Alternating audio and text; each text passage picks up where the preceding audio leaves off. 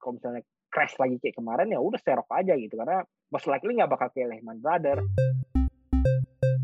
Supaya kita bisa cuan nih saham mana nih yang harus diserok sama sobat cuan kita? Masa dilirik konsumer.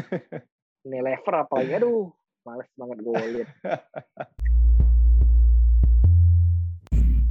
Paham Pantauan Saham. Makin paham makin cuan.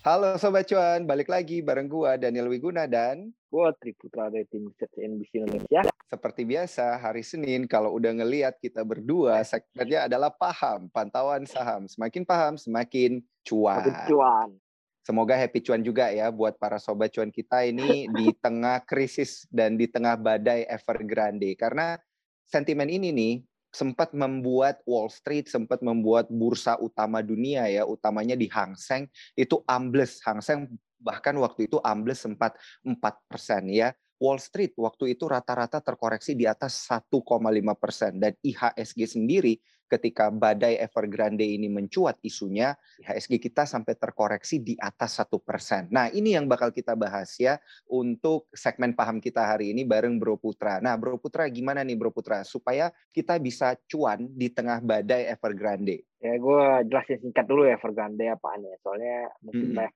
banyak yang nggak ngerti Evergrande cuma denger oh Evergrande apaan sih? Evergrande gitu.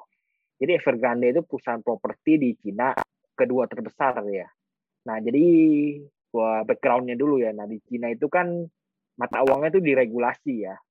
Jadi karena mata uang diregulasi lu mau invest invest di forex foreign exchange lu mau beli dolar tuh susah. Lu mau invest di capital marketnya di apa bursa sahamnya itu susah juga gitu. Karena mata uangnya diregulasi. Jadi opsinya orang-orang Cina itu kalau mau investasi di properti. Nah, makanya properti itu booming banget di sana sebelum sebelum kasus ini ya tentunya. Properti boomingnya itu mm, jadi apa? Orang-orang tuh pada lari ke properti dan perusahaan-perusahaan properti itu juga untung gitu. Jadi mereka biasanya ya kayak model-model di Indonesia lah. Mereka misalnya mereka mau bikin project mereka jualan DP apa jualan dulu gitu lu sering lihat kan oh ini dua tahun lagi jadi gitu tapi lu udah, betul, udah, betul. udah harus bayar DP-nya atau apanya segala gitu. Jadi barang barangnya belum jadi gitu. Tapi karena emang ya perusahaan namanya perusahaan properti harus padat modal ya harus punya banyak duit gitu. Dan mereka pakai teknik-teknik kayak gini. Tambah pada itu juga masih sebenarnya belum cukup. Ya dari dari apa yang dari customer lu juga belum cukup gitu. Jadi mereka masih harus apa ngutang lagi bla bla bla bla. Nah sebelum ada kasus ini itu cuan mereka lancar karena Mhm. bisa bangun rumah bisa cuan gede gitu. Bisa dijual banyak yang mau beli gitu. Dengan karena pilihan investasi di Cina itu terbatas gitu. Jadi ketika misal apa sebelum sebelumnya tuh cu- apa cuan mereka gede banget gitu. Jadi mereka untuk bisa ekspansi lebih cepat lagi karena ini masih cakep marketnya gitu mereka ambil banyak liability. Mereka ngutang banyak banyak utang gitu. Sampai posisi utang mereka 300 bil- billion ya 300 billion US ya terakhir ya Mhm. Nah ini di akhir 2020 itu pemerintah Cina tuh lihat, oh ini ada potensi bubble di properti sektor properti. Nah apa yang mereka melakukan? Mereka kasih bikin aturan, mereka limit. Oh ini hutang hutang dibanding equity-nya perusahaan properti nggak boleh lebih dari sekian gitu. Nah ini kan Mhm. yang kan udah udah kelebihan banyak gitu kan. Jadi Iya. mereka terpaksa jual-jual rumah mereka ya, ya Mhm. supaya cepat juga terpaksa jual jual murah gitu biar raise cash gitu banyak banyak cash Mhm. supaya regulasinya terpenuhi gitu nah jadi mereka Hmm. udah jual jualin mereka jual jualin mungkin udah jual murah nih tapi masih susah susah laku gitu karena itu tahu lah lagi kondisi pandemi ini itu jadi ya semuanya susah gitu nah Mhm. jadi akhirnya mereka jual jualin ya kurang laku ya sampai akhirnya mereka juga harus jual jualin properti yang masih belum selesai. Proyek-proyek belum selesai. Nah itu mereka jual jualin terus tuh ternyata apa masih masih belum cukup cashnya masih belum cukup.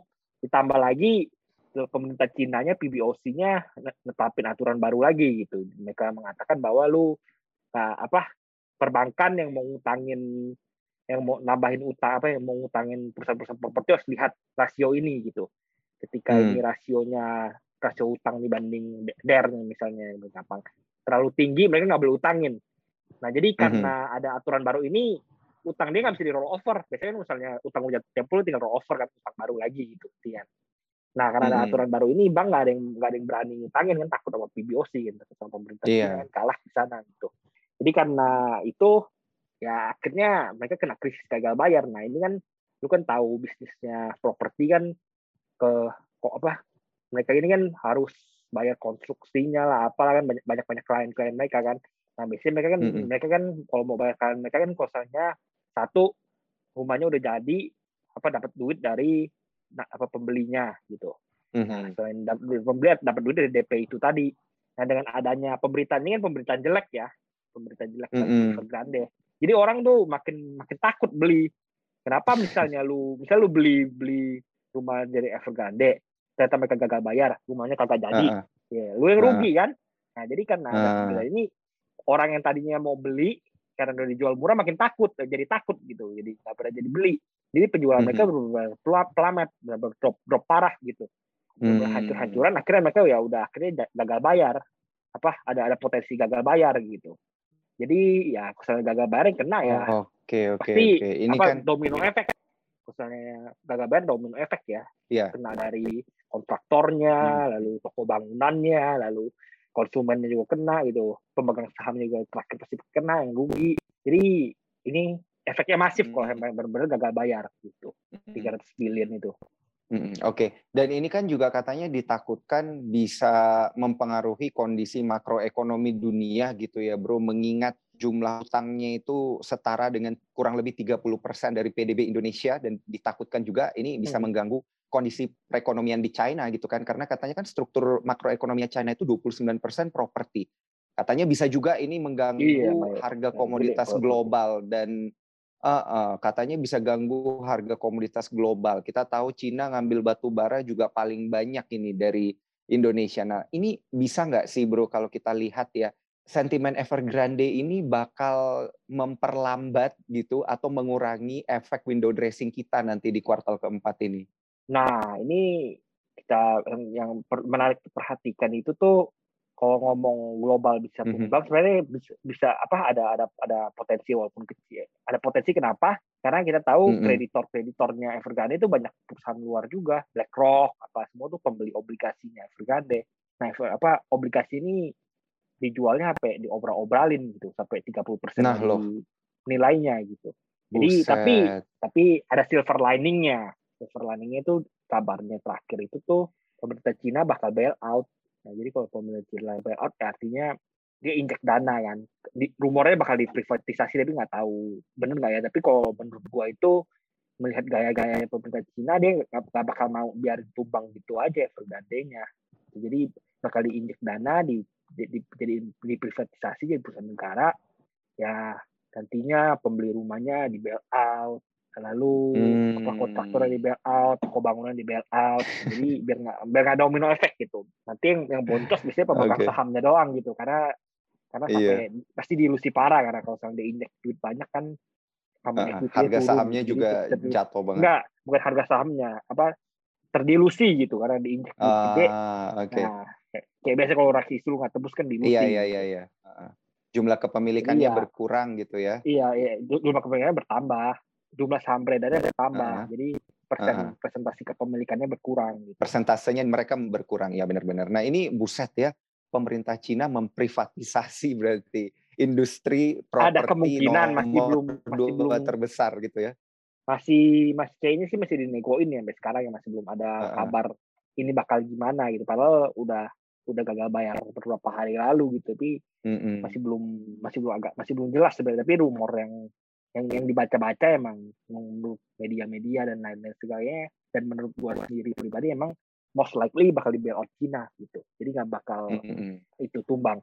Mhm. Karena kalau kita lihat berita global yang beredar juga gue baca-baca tuh dari CNBC internasional bro mereka juga ngomongin Bloomberg juga ngomongin Reuters juga ngomongin kan katanya ini too big to fail gitu ya jangan sampai gara-gara satu hal di China ini nanti ngefek gitu ya ke pasar global nah kalau itu yang menjadi sentimen global dan masih kita tungguin nih ya bro ke Indonesianya ini nanti gimana nih di tengah badai Evergrande dan kita ma- masih bakal dipengaruhi sentimen itu apakah sebaiknya kita hindarin sentimen properti kita atau gimana nih bro kita sebaiknya bersikap?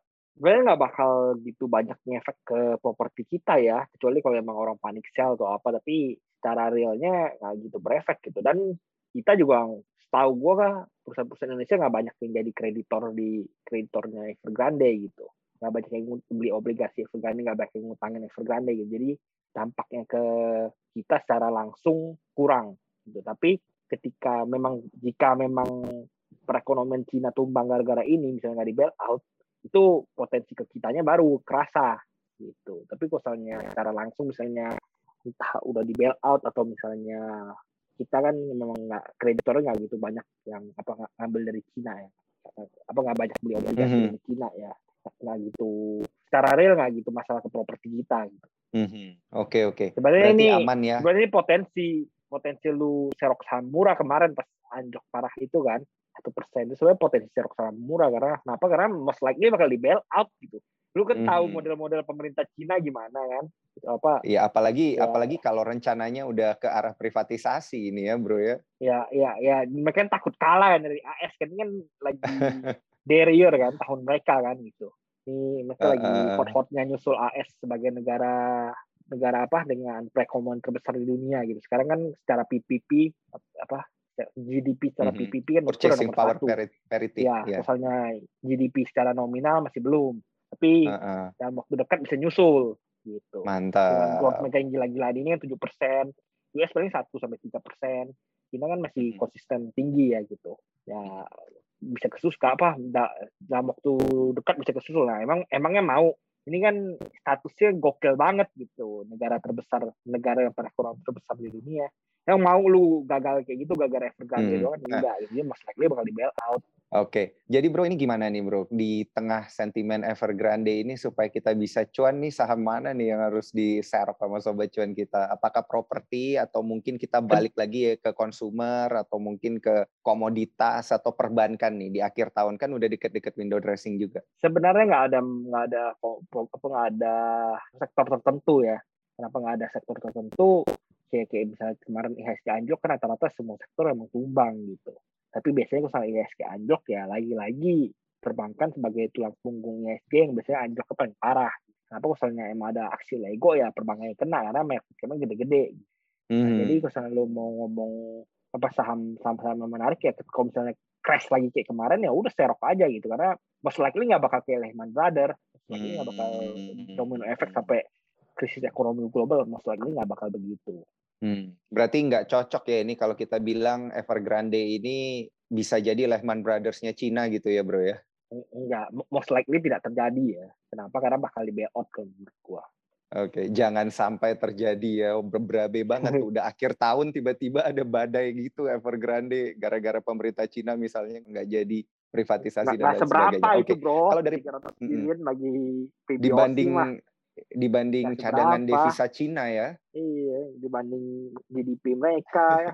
Berapa lah itu uang lagi pula lagi pula ini kan sebenarnya kalau diprivatisasi sama Cina ini bisa jadi satu aset gedenya China juga nantinya iya kan?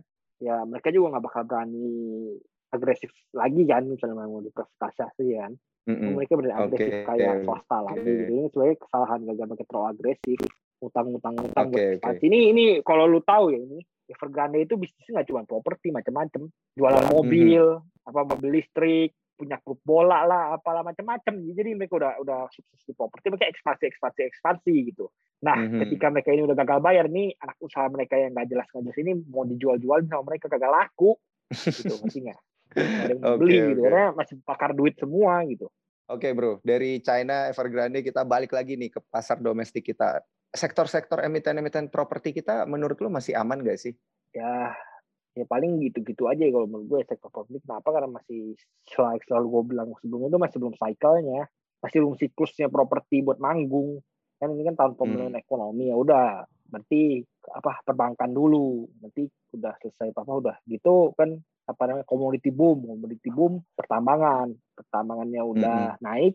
Orang-orang udah cuan banyak di sektor real dan di capital market duitnya nanti bingung dikemanain hmm, bingung baru dikemanain, baru dibeli properti nanti propertinya yang boom gitu Jadi, ya, ada potensi sekarang Iya, ada potensi nggak nih emiten properti digoreng, dinaikin aja gitu, dinaikin dikit, habis itu ya belum belum manggung sih emang, cuman digoreng aja buat akhir tahun gitu. Ya, ya biasanya emiten properti sebenarnya sebenarnya jarang jarang ada yang kena window dressing ya. Window dressing itu biasanya kena big cap doang. Ya, lu tau lah hmm. properti kita kan ada yang big cap. Mm -hmm. Ya, ya medium iya, cap, iya. small cap biasanya kayak gitu doang. Dan memang window dressing kan biasanya saham-saham yang banyak dipegang sama fund ya Pan jarang mm -hmm. dikit pegang properti sekarang nggak gitu banyak. Hmm. Oke oke oke. Dulu okay. Lipo masih apa ya PKR, PKC masih ribuan harganya itu di, diborong mulu itu laku, laku keras. Sekarang uh. bukan bukan itunya, lagi bukan siklusnya. Oke, okay. tapi kalau dilihat secara fundamental, emiten-emiten properti kita masih aman kan ya? Nggak ada yang potensi gagal bayar, gagal bayar gitu kayak Evergrande, bro? Iya, ya kalau yang kaleng-kaleng ada yang kena itu tuh, ada yang kena apa? kena pilotin tuh ada kenapa namanya kena tuntut pilot hmm, ada PKPU gitu nggak jelas nggak jelas kena PKPU nggak jelas nggak jelas hmm. yang yang yang kelas menengah lah nggak nggak jelas apa namanya lu pernah dengar gitu inilah tapi ada ada yang ada yang apa namanya ya ya namanya kelas menengah tapi kena PKPU gitu kalau yang gede-gede sih nggak ada ah. Semua Rekon, BSD itu nggak ada aman gitu. Kenapa? Karena induk mereka kan kuat juga kayak BSD kan. Maksudnya sinar, masing lain masih ada duitnya masih jalan dari agro mereka dari agribisnis mm-hmm. mereka kan bisa bisa cross inject gitu. Oke mm-hmm. oke okay, okay, bro. Nah ini kalau kita lihat kan kemarin Evergrande emang sempat bikin IHSG koreksi satu persen gitu ya bahkan udah sempat nyentuh level enam ribu lagi. iya harusnya serok. Tapi gue yakin ini pasti banyak banget sobat cuan juga yang udah serok. Nah kalau lu lihatnya gimana banyak nih bro? Yang fear, bro. mana nih di tengah kemarin? Banyak kan fear doang jadi ngelepas iya, gitu ya? Banyak kan yang buang takut kan, yang yang borong asing. Uh, Nah, kalau lu lihat ini tren tren penguatannya nih setelah Evergrande ini emiten mana nih yang bakal paling kencang nih terbangnya? Ya, paling kalau nunggu window dressing ya ngarep perbankan. Biasanya sih Desember kita jarang banget merah ya. Dari 10 kali mm -hmm. mungkin cuma satu atau dua kali merah gitu. Jadi ya masih kalau mau ngarep window dressing ya lu udah masuk mulai November, Desember gitu. Mm -hmm. Sekarang belum masih belum serok dulu ya, masih wait and see dulu nih ya biasanya orang masuknya November November akhir Desember awal gitu kalau sekarang ya kita nontonin dulu ya kalau ada pot ada ada kesempatan buat ambruk parah lagi ya bisa serok gitu Hmm, oke okay, oke okay, oke. Okay. Nah, terus kalau uh, dari sektoral dan stock picknya lu, lu itu uh, setelah sentimen Evergrande ini lebih milih ke emiten-emiten mana sih bro? Apakah yang lebih big caps, blue chips, atau lebih banyak yang medium caps, tiny caps gitu? Karena kalau gue lihat ini di tengah sentimen Evergrande banyak banget nih emiten-emiten yang tiny caps nih terbang-terbang. Ada yang gocap terbang-terbang juga gitu. Ya, ya kalau selalu mau milihnya ke mana? Nggak gini-gini ya, kalau selalu mau ini kan memang masih sideways ya. Kita masih belum mampu jebol enam ribu ratus masih enam ribu seratus enam ribu enam ribu semua nama di situ aja. Biasanya kalau market udah udah membosankan gini karena kutip membosankan gini banyak orang yang suka main-mainin saham kecil goreng-goreng saham kecil. Nah ujung-ujungnya ya lain dikit lain dikit itu terbang-terbangan. Sambil nunggu yang gedenya manggung. Biasanya kayak gitu modelnya. Hmm, oke okay, oke okay, oke. Okay. Tapi bukannya kalau kita lihat kemarin yang gede udah ada yang manggung tuh dari BBRI perbankan. BBRI itu sebenarnya sentimen positifnya kan dari RI ya. Lalu RI-nya kemarin apa? RI-nya satu udah murah, lalu R-nya juga di, di obral murah karena orang pada nggak ada duit nembus. Jadi jadi kesempatan asing buat aku. Jadi kemarin asing kan hari terakhir R itu banyak beli banget, banyak banget ya beli rights-nya ya. Dan makanya hmm. naik akhirnya hmm. apa induknya juga gitu. Terus hmm, dijagain juga gitu. itu katanya. Ada yang jagain gitu iya, ya. jagain. Nah, ada yang Bro, jagain itu. Terus kan kalau lu bilang tadi properti emang belum waktunya manggung gitu ya, infrastruktur juga belum karena kita masih nunggu nih efek komoditi super cycle kita gitu ya. Masih pada emiten perbankan dulu nih overnya. Nah, emiten perbankannya ini dikoleksi Tuh, dari sekarang gimana nih setelah sentimen komoditi udah mulai manggung juga, Bro. lihat batu bara udah naik Wah, gitu. ini bang. ini menarik nih. Iya gimana tuh? Ya, ya emang seperti aku bilang, kom apa komunitas udah mulai manggung ya. Lu lihat batu bara all time high mulu, terbang-terbang mulu ya. Komunitas udah mulai manggung, saham-sahamnya udah mulai kemarin lagging. Lu lihat yang terbang paling tinggi ya, yang model-model kayak indie. Kenapa? Karena mereka masih lagging. Waktu mm-hmm. waktu kemarin-kemarin batu bara all time high mereka nggak sempet naik, sekarang udah mulai naik gitu.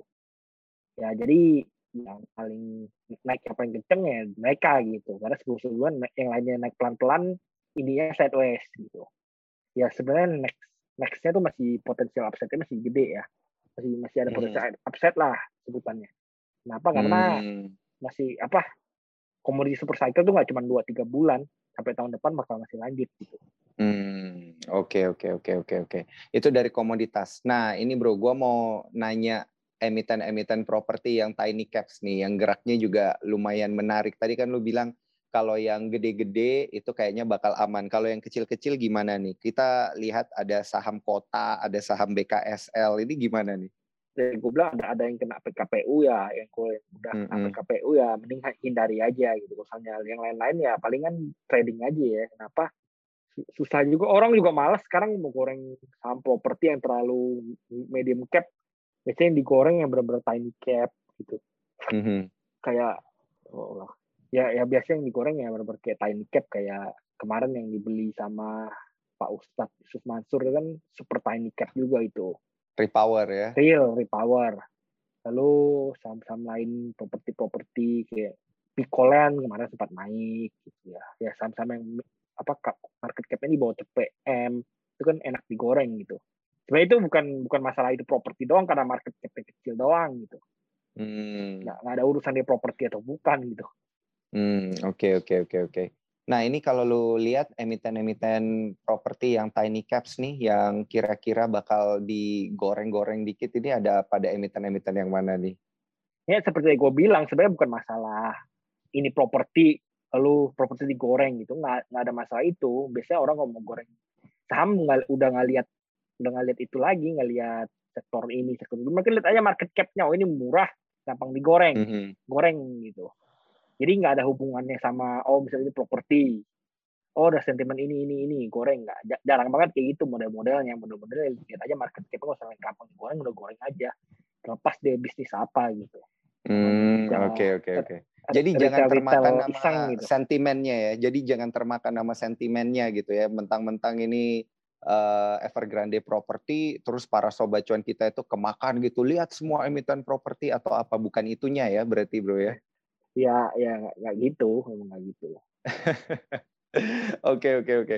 Kita balik lagi tadi kita udah sempat ngomongin komoditas gitu ya. Komoditas juga lagi banyak yang terbang-terbang, ada yang emang juga lagging-lagging. Nah, kalau lu lihat ini ya, setelah eh, ini sentimen Evergrande ini mereda, ini kan kondisi udah mulai bakal normal lagi pergerakannya kayak eh, IHSG kita bakal sideways lagi gitu. Nah, terkait dengan itu emiten-emiten yang bergerak di bidang konsumer gitu atau bidang otomotif kayak atau bidang kesehatan atau bidang teknologi ini bakal kembali lagi nggak sih di koleksi sama sobat cuan kita? Ko- Atau consumer bagus nggak menurut udah, lo? usah dilirik konsumer ini lever apalagi aduh males banget gue lihat Apa, Udah di bawah empat ribu ya bro. Nggak, nggak dari dari dulu orang bilang oh fundamental bagus fundamental bagus ya fundamental bagus harganya mahal berapa gitu gue tanya sama Hmm. lu mobil Ferrari bagus nggak bagus keren Iya, cepet bagus. kalau dijualnya bisa harga pasarnya 5 m lu jual 500 m kan gak, mau kan bego yang beli Ah. gitu ya Iya, ada iya, apa? iya. ya harus dibedain makanya fundamental bagus ya udah fundamental bagus. Harganya mahal it's another thing gitu. Jadi ya lo harus nilai dua itu fundamental bagus oke. Harganya juga harus murah gitu. Mhm. sekarang aja masih Hmm. sekitaran wajar harganya itu 20 PI kan? 20 PI ya wajar 22 PI masih agak mahal dikit. 18 20 wajar lah gitu Hmm, oke oke oke oke. Padahal harganya udah di bawah empat ribu ya, gila banget sih. Di awal Ya, tahun karena dibuka di harga apa, berapa, di, di bawah, sekarang harganya di bawah berapa? apa karena apa namanya di 8.000 itu sebenarnya mahal jadi 8.000 turun ke 4.000 orang kira murah padahal enggak 4.000 wajar ya sebenarnya dia tadinya mahal Ah, turun jadi wajar bukan turun jadi murah gitu jadi kalau udah Hmm, 2.000 ya oke. baru masuk murah 2.000 kan sekitar 10 PI ya berarti buset aja harus nunggu harganya 50% 200. lagi dari sekarang. Ya, kalau kalau mau murah, kalau mau murah yang saham murah ya. Kalau mau beli saham Iya, wajar ya udah masuk aja nggak apa-apa gitu. Tapi Hmm. tapi ya kalau mau beli saham murah ya tungguin turun lagi. Kalau mau beli saham wajar ya beli sekarang gitu. Sekarang aja Oke. masih agak mahal, masih 22 ya kalau nggak salah gue ya. Karena 22, PI-nya ah, ah. turun kan. Tapi Iya. kalau lu asumsiin PI-nya 200 ya udah 20-an kali kalau 3.000 Ah, ah. 4.000 gitu. Nah ini sobat cuan kita bakal balik lagi nggak sih ngejar emiten-emiten teknologi, bank-bank mini, sama emiten kesehatan nih after Evergrande? Ya kalau lihat ini sekarang apa sih apa untuk tekno teknonya udah slow Mhm. naiknya semenjak Mhm. buka lapaknya diguyur udah orang udah agak takut udah agak trauma sama teknologi gitu Buka lapak tapi ya. Bukalapak memang, memang masih di akun asing beli terus beli terus beli hari dia beli terus sebelumnya kan yang guyur kan mereka kan asing kan. Eh mereka balik buy back nah prank lokalnya. Ya, jadi kalau misalnya ya asing buy back ya ada potensi naik biasalah gitu. Tapi long term ya. Nah untuk bank mini bank mini juga udah udah mulai slow down. Sebelumnya kan naik gila-gilaan semua udah mulai slow down gitu. Sarto juga sempat 9 sekarang tinggal 1615 ya teknonya ya lagi lagi slow lah lagi nyantai lah belum belum belum ada yang manggung lagi gitu Hmm, semuanya masih slow. Bang Mini juga masih slow. Berarti ini kita emang bener-bener nunggu uh, sentimen window dressing ini ya, kayaknya di akhir tahun ya bro. Ini momentum apa nih? Kemudian membuat para investor asing itu tiba-tiba masuk lagi ke pasar kita nih bro, kalau lu lihat-lihat. ya paling nunggu window dressing ya November November biasanya kalau emang bulan-bulan Oktober gini emang agak slow Oktober September. September emang slow ya bulan-bulan. Mhm. ba- banyak banyak merahnya biasanya September ya. Oktober biasanya agak slow. November udah mulai pace up udah mulai naik. Oktober tuh paling Mhm. tipis-tipis aja. Okto- November tuh udah mulai naik nanti puncaknya di Desember gitu. Ya sebelum Hmm. hari-hari penutupan ya lu jualan. Week, 3, week 4 gitu. Ya lu jualan gitu untuk dapat sentimen lu racingnya kalau pengen ikut sampai Hmm. Januari efek paling sampai week 1 week 2 doang first week second weeknya Januari doang gitu Mm-mm. Habis itu selesai ya, kayak tahun Iya. 2021 ini. Cuman sampai pertengahan Januari doang pestanya. Oke, kalau gitu ya Sobat Cuan, thank you yang udah dengerin nih. Tema kita hari ini berburu cuan di tengah sentimen badai Evergrande gitu ya. Moga-moga ini tips-tipsnya ini bisa memberikan inspirasi dan juga memberikan satu masukan-masukan menarik bagi Sobat Cuan ya untuk mengambil keputusan di tangan sendiri ya Sobat Cuan. Jadi jangan ngambil keputusan gara-gara kita karena keputusan keputusan trading itu ada di tangan sobat cuan semua. Jadi thank you udah dengerin konten paham kita pantauan saham setiap hari Senin di cuap-cuap cuan. Jangan lupa follow kita di Spotify cuap-cuap cuan, Apple Podcast dan juga Google Podcast. Di Instagram juga cuap underscore cuan dan juga di YouTube ya utamanya karena kita ini paham on YouTube ya. Subscribe, like dan juga share. Gua Daniel Wiguna pamit dan wah Triputra pamit undur diri bye bye.